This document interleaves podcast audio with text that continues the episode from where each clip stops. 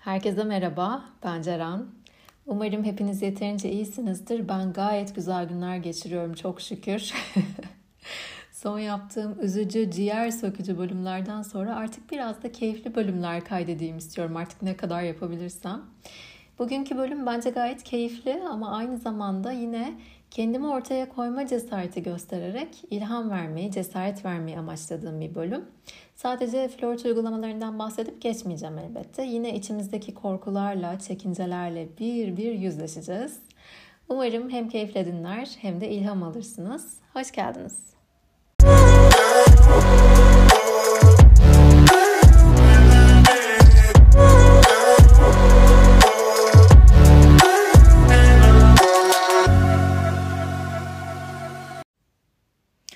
Upuzun bir aradan sonra hazır flört uygulamalarıyla biraz haşır neşir olmuşken böyle bir kayıt yapayım istedim. Tam olarak yola çıkış amacım da aslında bundan bahsetmekten ne kadar çekindiğimi fark etmemle oldu. Bahsetmeye geçelim. Öyle bir uygulamada bulunmaktan ne kadar savunmasız hissettiğimi fark ettim.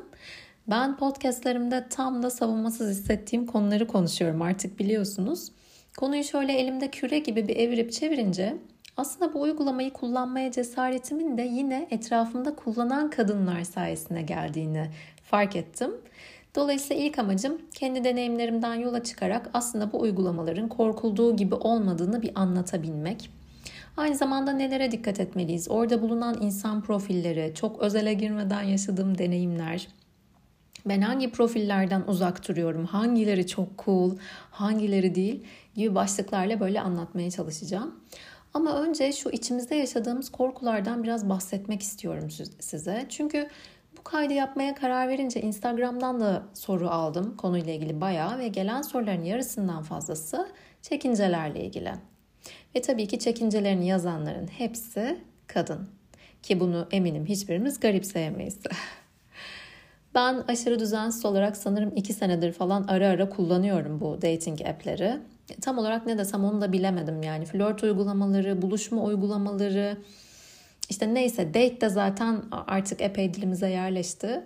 Artık ağzıma hangisi gelirse onu kullanacağım. Son iki senedir çünkü zaten öncesinde çok uzun bir süre evliydim. Sonrasında da uzun bir ilişkim oldu. İşte ilk açmam o uzun ilişki çok ayrıl barış bir ilişki olduğu için tamamen e, öfkemden dolayı açmıştım. Yani ilk yola çıkışım yine öfkenin cesaretiyle oldu.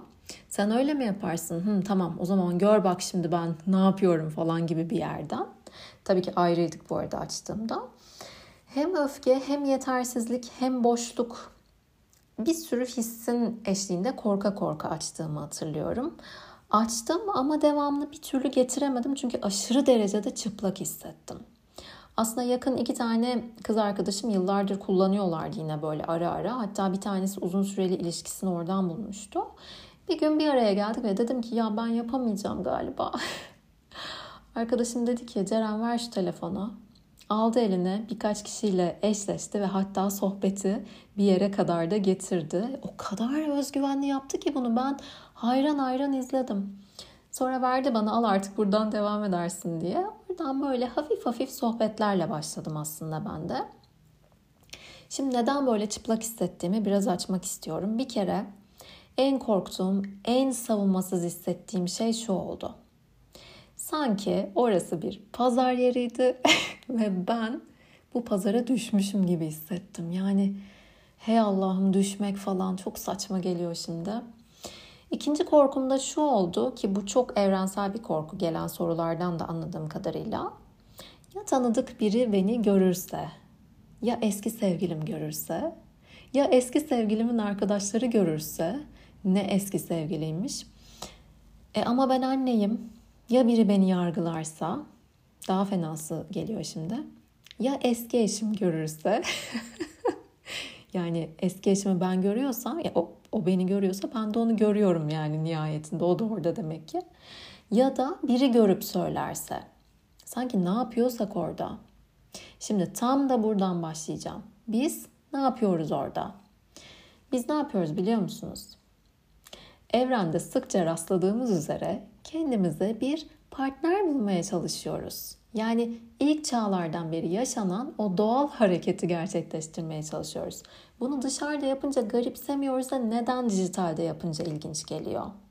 Ve bunu neden aslında dijital bir ortamda yapma gereği duyuyoruz? Bunun sebepleri çok aşikar bence. Şimdi biraz bundan bahsedeceğim. Şimdi tabii önce bir sevgili bulma paternlerine de bir bakmak lazım. Eskiden neydi? Bu flört uygulamaları bu kadar popüler olmadan önce okuduğumuz okullardan bulurduk partnerlerimiz ya da kurslardan işte dershanelerden. Sizin de çevrenizde eminim çoktur üniversite aşkıyla evlenen ki ben de öyleydim. Nadir de olsa dışarıda, kafelerde, havaalanında, sokakta, orada burada yürürken falan da tanışan oluyordur.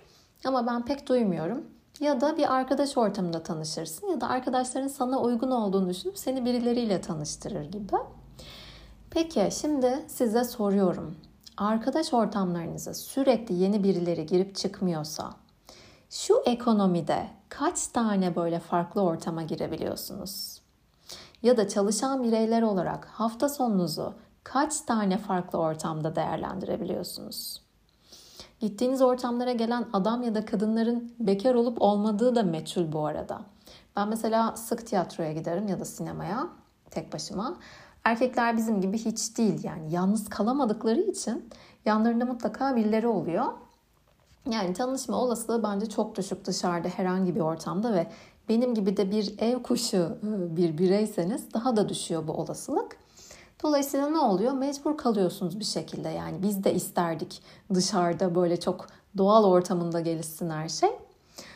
Ee, ve karşıdaki adam da öyle düşünüyor. Yani oralarda kendimize partner aramak hele ki günümüz dünyasında bana çok da garip gelmiyor. Biraz önce dedim ya tanıdık biri görürse diye korkuyoruz. Geçmiş bölümlerde de sıkça dürtüklediğimiz bir korku vardı hani. El alem ne der? O el alem her kimse yine geçmiş önümüze. Burada da bizimle dalga geçmeye, bize nanik yapmaya devam ediyor. Aa bakın Ceren de buralara düşmüş. Kimseyi bulamamış herhalde. Aa sevgili mi arıyormuş? İnanamıyorum bir de anne olacak. ya ben anlamıyorum kendine partner aramak, sevgili aramak ya da sadece takılmak ayıp şeyler değil ki. Eğer aramızda böyle düşünenler varsa lütfen dünyaya nasıl geldiğini bir kere daha düşünsün. Ve o korkudan nispeten kolay sıyrıldım ben. Çünkü el aleme göre yaşamıyorum uzun bir süredir kendi hayatımı. Bir kere daha söylemek isterim. Kendi hayatımı. Benim hayatımı. Yani el alem denen güruh için kendi mutluluğumdan ödün vermeye değer mi? Hele ki yüksek olasılıkla bir kere geldiğimiz şu dünyada. Bir de burada konunun bilinçaltında erkeklere ve kadınlara atfedilen tanıdık durumlar söz konusu. Kadınların hissettiği bu çekince biraz da oradan geliyor. Çıkıp çıkıp bir e, platformda sevgili aramak bizim bilinçaltımızdan başka şeyleri hortlatıyor gibi. Yani erkek böyle bir şey yapabilir ama kadın haşa. Ama o adamlar da seni aramak için oradalar aslında. Erkek mesela bir restoranda, bir klapta kadının yanına gelip onun telefon numarasını isteyebilir ama kadın yapmamalı. Erkek kadının da ondan bariz şekilde hoşlandığı bir durumda yine gidip o kadına yemek yemeyi teklif edebilir ama kadın yapmamalı. Erkek bir buluşmadan sonra çok güzel geçtiğine dair mesaj atıp sonraki buluşmayı organize edebilir ama kadın yapmamalı. Artırıyorum. Erkek kadınla buluştuğunda ona iltifat edebilir ama kadın yapmamalı. Yaparsa ne düşünürler? Yaparsa karşıdaki erkek de fazlasıyla kolay görebilir bizi. Kolay tırnak içinde. Şimdi böyle söyleyince aa yok falan diye düşünebilirsiniz ama hepimizin bilinçaltında kodlanmış bunlar yıllardır. İşte tam da buradan yola çıkarak aslında benim çekinme sebeplerimden bir tanesi de kullandığım uygulamada ben Bumble kullanıyorum bu arada çok sorulmuş hangisini kullanıyorsun diye. Eşleştiği kişiye ilk mesajı sadece kadının atabilme özelliğiydi. İlk başta o çekingenlikten ötürü ya ne gerek vardı şimdi buna gibi düşünmüştüm ama sonra bunun bayağı iyi bir özellik olduğunu anladım. Şimdi hiç bilmeyenler, hiç kullanmayanlar için işleyişi kısaca bir anlatacağım. Uygulamayı ilk açtığında istediğin kadar fotoğrafını yüklüyorsun. Kendinle ilgili özelliklerden istediğin kadar belirtebiliyorsun. İşte yaşın, boyun, ne mezunusun, ilgi alanların neler, sosyal aktiviteler, spor aktif olarak yapıyor musun, sigara içiyor musun, içki içiyor musun gibi epey detaylı. Karşıdaki kişinin seninle ilgili karara varabilmesi için önemli bir takım özellikler seçiyorsun. Ama istemezsen o kısımlar kapalı da kalabiliyor. Yani istediklerine cevap verebiliyorsun. Yaş belirtmek zorundasın. Çünkü karşıdaki kişi onu filtreleyerek geliyor. Yani ben mesela 35-42 e, yaş arası erkeklerle ilgileniyorum diyelim. Uygulamada benim karşıma ona göre kişi çıkartıyor. Bir de en önemlisi bence orada ne aradığını belirtecek bir seçenek var. İşte takılmak mı istiyor, ilişki mi istiyor, hatta evlilik mi arıyor gibi. O dönem benim modum neyse işte ona göre bakıyorum ben de. Takılmak istemiyorum, ben ciddi bir şey arıyorum diyorsak o takılmayı seçen kişileri direkt pas geçiyoruz. Çünkü karşılıklı olarak aynı şeyi istemek de önemli. Yani isterse dünya güzel olsun, istekler farklıysa boşa zaman kaybetmeye gerek yok gibi düşünüyorum ben. Bu noktada mesela karşımdaki kişinin fotoğrafı ilgimi çektiyse oraya koyduğu ilgi alanlarına ve özelliklerine bakıyorum mutlaka. Benim için normal dünyada kriter olmayan pek çok şey kriter haline geliyor. Zira sonsuz seçenek var arkadaşlar. bir şekilde kriter koymak durumundayız. Normal şartlarda dışarıda diyelim birinden çok etkilendim. Onun tipi, boyu, işte atletik olup olmaması çok ilgimi çekmiyor. Çünkü orada onu ıı, ona beni çeken bir aurası var. Onu hissedebiliyorum. Ama burada onu anlayabilmek mümkün değil. O yüzden çeşitli kriterler devreye giriyor ki bu da üzücü. Belki normal şartlarda hayatının aşkı olabilecek bir adamı sırf spor yapmıyor, hafif göbekli diye pas geçiyorsun. Artık ona yapabilecek bir şey yok.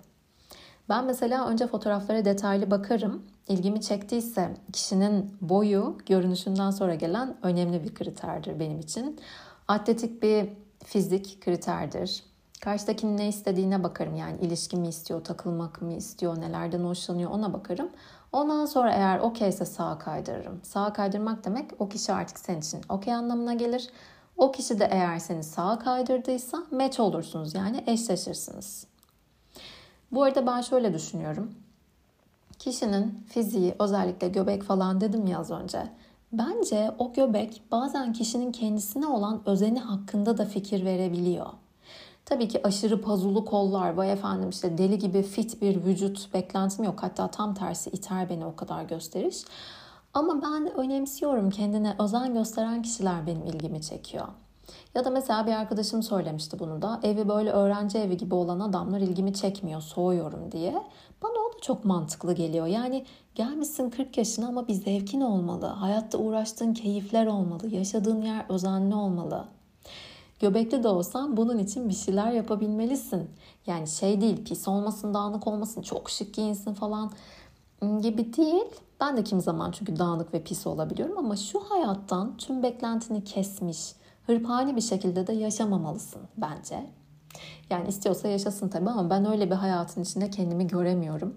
Adam hayatını düzenleyememiş. Yani sana ne katabilir ya da seni o hayatın içine ne şekilde alabilir soru işareti. Kendimize değer verelim diye yırtınırken bir de bu sefer koca koca adamların anneliğini yapmaya gerek var mı diye sorarım size. Bunlar tabii bu arada uygulama hakkındaki görüşlerim. Yoksa hani evlenirsin biriyle göbeklenirsin, birlikte spor yapmaya çalışırsın, diyetlere girersin o bambaşka bir mesele. Onun tatlı bir tarafı da var. Bumble'da eşleştiğin adama dediğim gibi ilk mesajı kadın atabiliyor. Ben başka uygulama pek kullanmadım. Sadece bir ilk başlarda tüm Bumble'daki adamları sola kaydırıp kimseyi beğenmeyince aslında beğenmeme değil de bence cesaret edemeyince OK Cupid indirmiştim. O Cupid diye de geçiyor. Orası mesela bana aşırı geldi. Sağdan soldan sürekli mesaj geliyor. Başa çıkamıyorum. Saçma sapan herkes yazıyor. Bu arada kötülemek gibi de olmasın. Oradan hayatının aşkını bulan çok kişi var biliyorum. Ama bana fazla gelmişti o dönem. O yüzden Bum'la geri döndüm. Şöyle kişiyle eşleştin. İlk mesajı atmak için 24 saatin oluyor. Yazıyorsun işte diyelim selam yazdın. Karşıdaki de sana 24 saat içinde cevap verirse okey. Artık e, zamanlama önemsiz bir şekilde mesajlaşabiliyorsun. Ama sen 24 saat içinde yazmazsan ya da o sana 24 saat içinde dönmezse o eşleşme otomatik olarak kalkıyor. Bence kadının yazması kadın dostu bir uygulama. Ve Bumble'da bana açıkçası eğitim seviyesi de daha yüksekmiş gibi geliyor. Tinder hiç kullanmadım ben ama orada da e, ücretli olan şekliyle kullanırsan sadece senin beğendiklerin seni görebiliyor sanırım. Öyle hatırlıyorum. Bir denemiştim ama bakıp çıkmıştım oradan da. Bir arkadaşa bakıp çıkmıştım. ama eğer öyleyse e, zaten bence o çok iyi bir özellik. E, en azından bu çekinceleri birazcık atabilirsiniz. Beni biri görecek mi çekincelerini. Gerçi Tinder bu konuların öncüsü olsa da çok fazla sahte hesap da var e, diyorlar. Ben ona bulaşmak istemedim hiç. Bumble bana yeterli geliyor. Ve evet diğer bir konuda sahte hesap konusu. Bu konudaki çekinceyi anlıyorum zira her yerden dolandırılmaya çalışıldığımız için bir tanışma, flört uygulamasına neden olmasın diye düşünmeden edemiyoruz. Benim orada baktığım bir şeyler var. Şimdi onlardan bahsedeceğim. Bir kere nasıl sahte hesap olur? Gider bir başkasının fotoğrafını kullanır. Özelliklere hiç olmadığı gibi birini yazar, süsler. Amacı nedir? Yani benim başıma gelmedi ama para istemek olabilir klasik. Bilemiyorum şimdi düşünce pek çok korkutucu şey geliyor aklıma ama onun içinde yapmamız gereken şeyler var tabii ki. Ben emin olmak için ne yapıyorum? Şimdi Bumble'da hesabını verified edebiliyorsun. Yani mavi tik gibi bir şey orada da var. Fotoğrafını koyduğun kişi gerçekten sen misin yoksa başkasının fotoğrafını mı kullandı oradan zaten anlaşılıyor. Doğrulanmamış hesapları ben direkt geçiyorum. Bir kere diyelim ki eşleştik. Sohbet etmeye başladık. Güzel de geldi sohbeti diyelim. Mutlaka bir Google'dan bakıyorum. Ne var elimde? İşte adı var, nerede çalıştığı var diyelim. Ee, olmazsa soyadını da sorabilirsiniz. Genelde LinkedIn hesapları oluyor zaten direkt çıkıyor. Ee, oradan bir kesinleştiriyorum gerçekten söylediği gibi orada mı çalışıyor falan gibi. Ee, yani daha güvende hissettiriyor aslında bu bilgiyi doğrulamak. Eğer bulamazsam Instagram hesabını istiyorum. Instagram sadece bunun için değil. Kişinin sosyal medya CV'si gibi de olduğu için o anlamda da acaba günlük yaşamında neler yapıyor, arkadaş ortamı nasıl, kimlerle takipleşiyor hepsi orada var. Bence en büyük kaynak da orada. Instagram bakmadan kimseyle buluşmuyorum. Kişinin Instagram'ı yoksa ki bu çağda bilmiyorum gerçekten yok mudur yoksa vermek mi istemiyordur ki olmayabilir bu arada veya vardır ama aktif kullanmıyordur. Özellikle erkekler kadınlar kadar pek fotoğraf da yüklemiyorlar. O yüzden yine hemen vazgeçmeyin. İlla bir şeyler kullanıyordur. Yani hiç mi olmadı? Görüntülü görüşme teklif edin. Zaten direkt anlaşılıyor orada. Bir de böyle durumlarda açık ve net olmak bence çok önemli. Eğer karşıdaki de zaten düzgün biri ise sana hak verecektir. Biz kadın olarak nelerle karşılaşıyoruz maalesef. O yüzden eğer garipsiyorsa da yani kendisi bilir. Direkt eşleşmeyi kaldırabilirsiniz rahatsız olursanız. Eğer telefon verdiyseniz engelleyebilirsiniz. Buradaki tek önerim gerçekten emin olmadan ev adresi vermemek olabilir. Eğer sizin de amacınız ilişki değil de takılmaksa yine de tanımak, Instagram e, istemek önemli bence tam olarak güvenebilmek için, güvende hissetmek için. Eğer dışarıda ilk kez buluşacaksanız ya da evine gidecekseniz yakın arkadaşlarınıza mutlaka konum atmanızı öneririm. Hatta takılma amacınız varsa belki ev değil de otel kullanmak da daha mantıklı olabilir. Tüm bu önlemleri aldıktan sonra da artık bence rahatlamak ve keyfini çıkarmak gerekiyor. Diyelim buluştunuz ve olmadı. Yani bir şekilde tutmadı, bir şey hissetmediniz. Olabilir elbette. Bunu da karşı tarafa bildirmeyi ben önemsiyorum.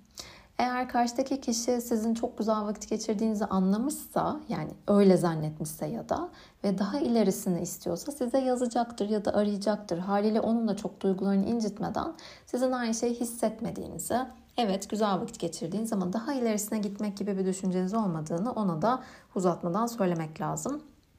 Ama derseniz ki Ceren hiç mi ghosting yapmadın? Utanarak itiraf ediyorum ki yaptım bir yerde yürüyüş yapıyordum. Eşleştiğim kişi ta ne zaman bu arada. Ne yapıyorsun yazmış. Yürüyüş yapıyorum şurada dedim. Aa geleyim mi çok yakınım dedi.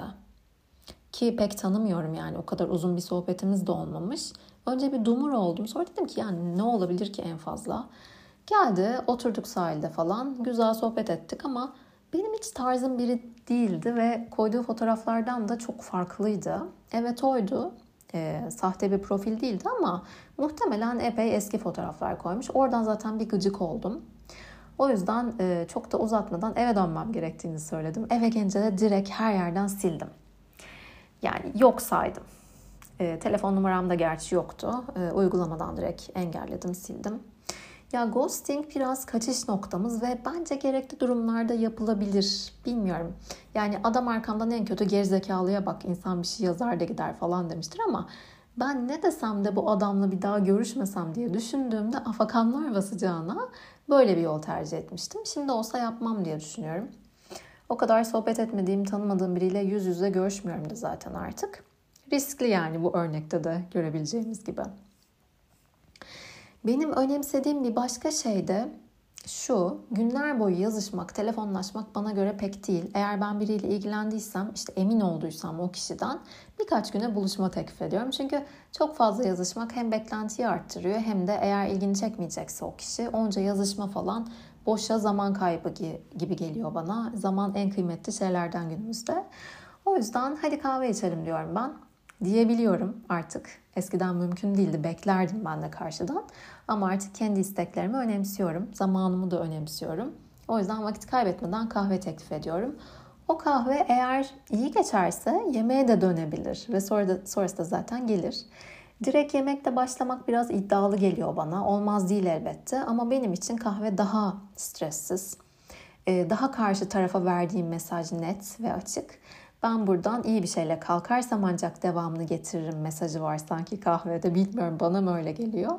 Hatta kahveye gitmeden önce de mutlaka yazıyorum. Ben ilk buluşmada ciddiye almak istemiyorum. Bu beni geriyor.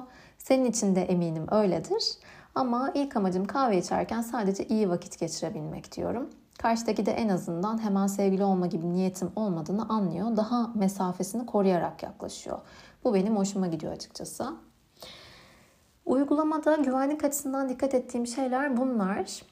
Özellikle çok üstünde durdum çünkü Instagram'dan gelen soruların çoğu güvenlikle alakalı. İşte Ceren nasıl kullanıyorsun, güvenli mi diye. Bunlara açıklık getirebildiysem şimdi başka nelere bakıyorum biraz ondan bahsedeceğim. Ben uygulamada bir takım şeyleri hiç cool bulmuyorum. Bunları izninizle maddeleyerek anlatacağım. Belki faydalananlar olur. Tabii ki ben e, erkek profilini değerlendirerek yazacağım. Profiline deli gibi bayrak koyan insanlar var biliyorsunuz. Instagram'da da rastlıyorum. İşte gittiği ülkelerin bayraklarını koymuş. Geçen bir yere de yazdım hatta. Ondan sonra dedim ki ya acaba şu erkeklere dating app'lerle ilgili danışmanlık mı versem cidden ne kazanırım ya falan diye dalga geçiyordum. Sonra bu fikir tabii ki podcast yapma fikrine dönüştü. Neyse işte profiline gittiği ülkelerin bayraklarını koymak hiç cool gelmiyor bana. Hatta epey de um, bilmiyorum bazen cringe oluyorum açıkçası. Yani bu kişi dünyayı gezmiş tamam anladık gezmişsin ama 2000'lerin başında da değiliz be kardeşim. Bu olay hiç cool değil. Bu seni artık diğer hemcinslerinden ayıran bir şey değil. Üzgünüm. Sadece güneş gözlüğüyle çekilen fotoğraflarda da yokum açıkçası. Direkt sola kaydırırım. Belli ki bir şeyler gizleniyordur orada. Bir diğeri profiline uzun uzun manidar yazılar yazan kişiler direkt pas geçme sebebidir yine bende. Bunu hiç cool bulmuyorum. Bence koyulan fotoğraf her şeyi anlatabilmeli. Mesela evcil bir hayvanı varsa onunla çekilmiş fotoğraf bence tatlı oluyor. Oradan anlıyorsun bu adam şefkatli olabilir. İşte bir sporla ilgileniyorsa oradan bir fotoğraf koyması iyi bir fikir e, bence. Ama asla ve asla fitness'te çekilmiş bir ayna önü fotoğrafı olmamalı. Çünkü bence çok korkunç oluyor. Aynada pazularını gösterip fotoğraf çekip koymak bilmiyorum yani hiç benlik değil. İşte diyelim tenis oynuyor. Onu okeyim ben. Bir de yanında çocuğuyla fotoğraf koyanlar var. Aman Allah'ım yani biz kendi fotoğrafımızı koysak mı diye 40 kere düşünürken flört uygulamasına sırf ben iyi bir babayım imajı çizmek için ya da işte artık kim bilir ne için çocuğunla fotoğraf koymak feci halde berbat bir fikir bence. Fotoğraf değil ama çocuğu varsa çocuğu olduğunu işaretlemesini ben mesela önemsiyorum onu saklamamasını. Neyse o. Benim başka bir takıntım da tarihi yapıların önünde poz vermemektir asla. Ben e, asla e, çekilmem e, çekilip flört uygulamasına koyanlarla da pek e, eşleşmem. Öyle bir takıntım da var. Yani kısacası aslında hani diyoruz ya no make-up make-up yokmuş gibi olan ama olan makyaj. Yani çabasız ama güzel. Tam da o bence kasıntı olmadan, gösterişe girmeden çabasız ama net. Bence 3 fotoğraf iyi. 2 mesela az gibi geliyor. 3'ten sonrası da çok cool değilmiş gibi, çok fazlaymış gibi geliyor bana. Şeyi söylüyordum, konu nerelere geldi. Uzun uzun profil yazısı yazanlar hiç cool değil demiştim. İşte ben şöyleyim, ben böyleyim falan gibi. Geçen bir kişi şey yazmış. Ekran görüntüsü aldım, arkadaşıma yolladım yazıyı. Fotoğrafı falan olmadan, ismi cisim olmadan elbette. Yani ne kadar yakın arkadaşıma da yollasam önemsiyorum ben böyle şeyleri. Adam bayağı azarlamış. Durup dururken şey demiş. Bakın açıyorsunuz profiliniz şu yazıyla burun buruna geliyorsunuz. İlk kadın mesaj atmadan sohbet başlamıyor. Bunun neresi anlaşılmıyor da hala ilk mesajı erkekten bekliyorsunuz. 10 tane falan ünlem. Altına da İngilizcesi, İngilizce yazmış ama azar çekmemiş bu sefer. E, sadece işte kadınlar ilk konuşmayı başlatır demiş. Bilmiyorum artık ya İngilizcesi yetmedi ya da e, Türk kadınlarını azarlamayı uygun gördü. Ben bunu görünce o kadar güldüm ki yahu bir dur. Durup dururken profilinde bu öfkeyle bunları yazacak ne yaşamış olabilirsin?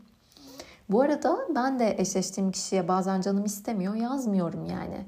Ama Bumble'da mesela profiline kadınlar ilk mesajı atar yazan adam profilleri çok görürsünüz. Demek ki benim gibi yazmayan da epey var. Şimdi tüm bu kriterleri istinaden düşünüyor olabilirsiniz. Ne kadar çok kriter bunlar diye ama valla ne istediğini bilince zaman kaybın çok minimize oluyor. Ayrıca ben bugüne kadar karşımdaki kişi hakkında ne hissettiysem ve kendime aman Ceren ya belki yanılıyorsundur desem hep söylediğim, hissettiğim şey çıktı. O yüzden sezgilerime de, kriterlerime de epey güveniyorum. Ha diyebilirsiniz bunca kriterle peki bulabildin mi birilerini? Evet ama uzun ilişkim olmadı açıkçası. Az da olsa tanıştığım kişiler oldu. Yazışıp görüşmediklerim de oldu. Zaten dediğim gibi yani çok e, kullandığım bir şey değil. E, vakit geçirdiğim kişiler oldu ama e, umutsuz da değilim uzun ilişki konusunda. Çünkü ben bir ilişkiye hazır değildim açıkçası o kullandığım dönemlerde. O amaçla çok kullanmamıştım. Başta da dedim ya öfke sebebiyle açmıştım diye. Sonra da kapattım açıkçası ve sanırım son 6-7 aydır da açık değildi. Geçen haftaya kadar. Ve şimdi çok daha ne aradığını bilen biri gibi hissediyorum. Bakalım ne olacak. Bir de şunu ekleyeyim. Bu uygulamaların yurt dışında da kullanılması mantıklı olabiliyor. Tanıdığım insanlar var öyle kullanan. Diyelim tatile gideceksin tek başına ya da iş için gidiyorsun. Kimseyle tanışamadın ya da öyle bir ortama girmeyeceksin. Hop uygulamadan da tanışabiliyorsun.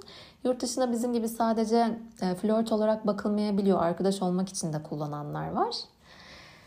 E, o amaçla da kullanılabilir. Ve son olarak Instagram'dan gelen kalan sorulara da cevap verip kapatacağım artık yayına. En kötü tecrübem sorulmuş. Ee, kötü bir tecrübem olmadı neyse ki. Hani kötü bir tecrübe benim için ne olabilir diye düşünüyorum. Olmak istemediğim biriyle olmak istemediğim bir mekanda belki bulunursam ve kalkıp gidemezsem o kötü bir tecrübe olabilir. Ama dediğim gibi öyle riskler zaten almıyorum.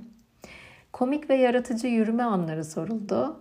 Ee, yürüme değil de sadece şöyle komik bir date'imsi bir anım var. Aklıma geldikçe de utanıyorum bundan ama anlatacağım.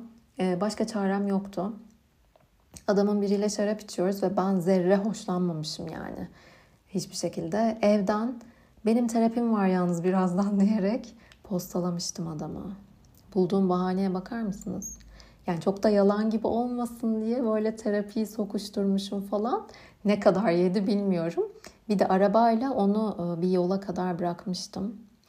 Hemen unutmak istiyorum şu an bu anıyı. O yüzden işte direkt evde görüşmemek bence önemli. Erkeklerin hep cinsel bir şey yaşamak için yaklaşması hakkında bir şey sorulmuş. Benim tecrübeme göre yani gözlemlerime de göre evet öyle adamlar çok. Ama bir şey söyleyeyim mi? Kadınlar da var. Yani ilişki istemiyor ama cinsel uyum yakalayabileceği, arada görüşmek isteyebileceği kişiler arayabiliyor. Bu da olabilir. Erkeklerin sayısı biraz fazla sanırım. Şimdi kadın tarafını çok bilmiyorum ama öyle bir durumda da Instagram hesabı çok şey anlatıyor arkadaşlar. Hemen gidip kimleri takip ediyor diye bir bakın. Bazen 500 kişiyi takip ediyorsa 490'ı kadın oluyor. Yani ben öyle bir durumda şüpheleniyorum açıkçası.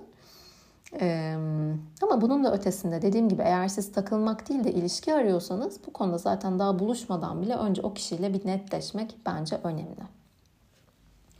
Günde ne kadar vakit ayrılmalı denmiş. Yani onu bilmiyorum. Bence bunun bir melimalısı yok. Biraz keyfe bağlı bir iş gibi e, bir iş gibi bakmamak lazım. E, ben canım sıkıldıkça zaten şöyle bir 10-15 kişiyi sola kaydırınca umutsuzluğa düşüp bırakıyorum. Canım sıkıldıkça bakıyorum.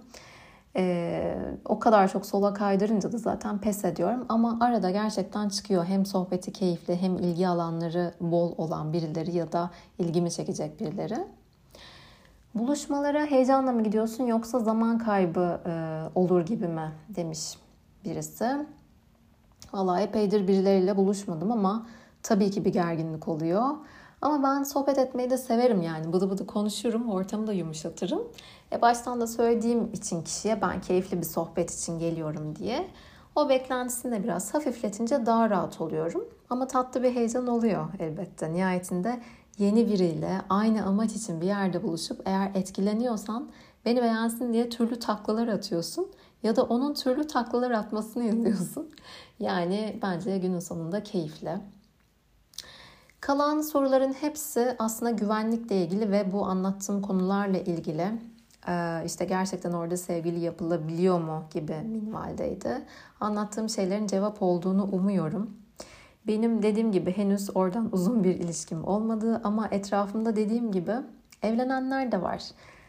Ee, uzun ilişkisi olan arkadaşlarım da var. Dolayısıyla ne var? Umut var.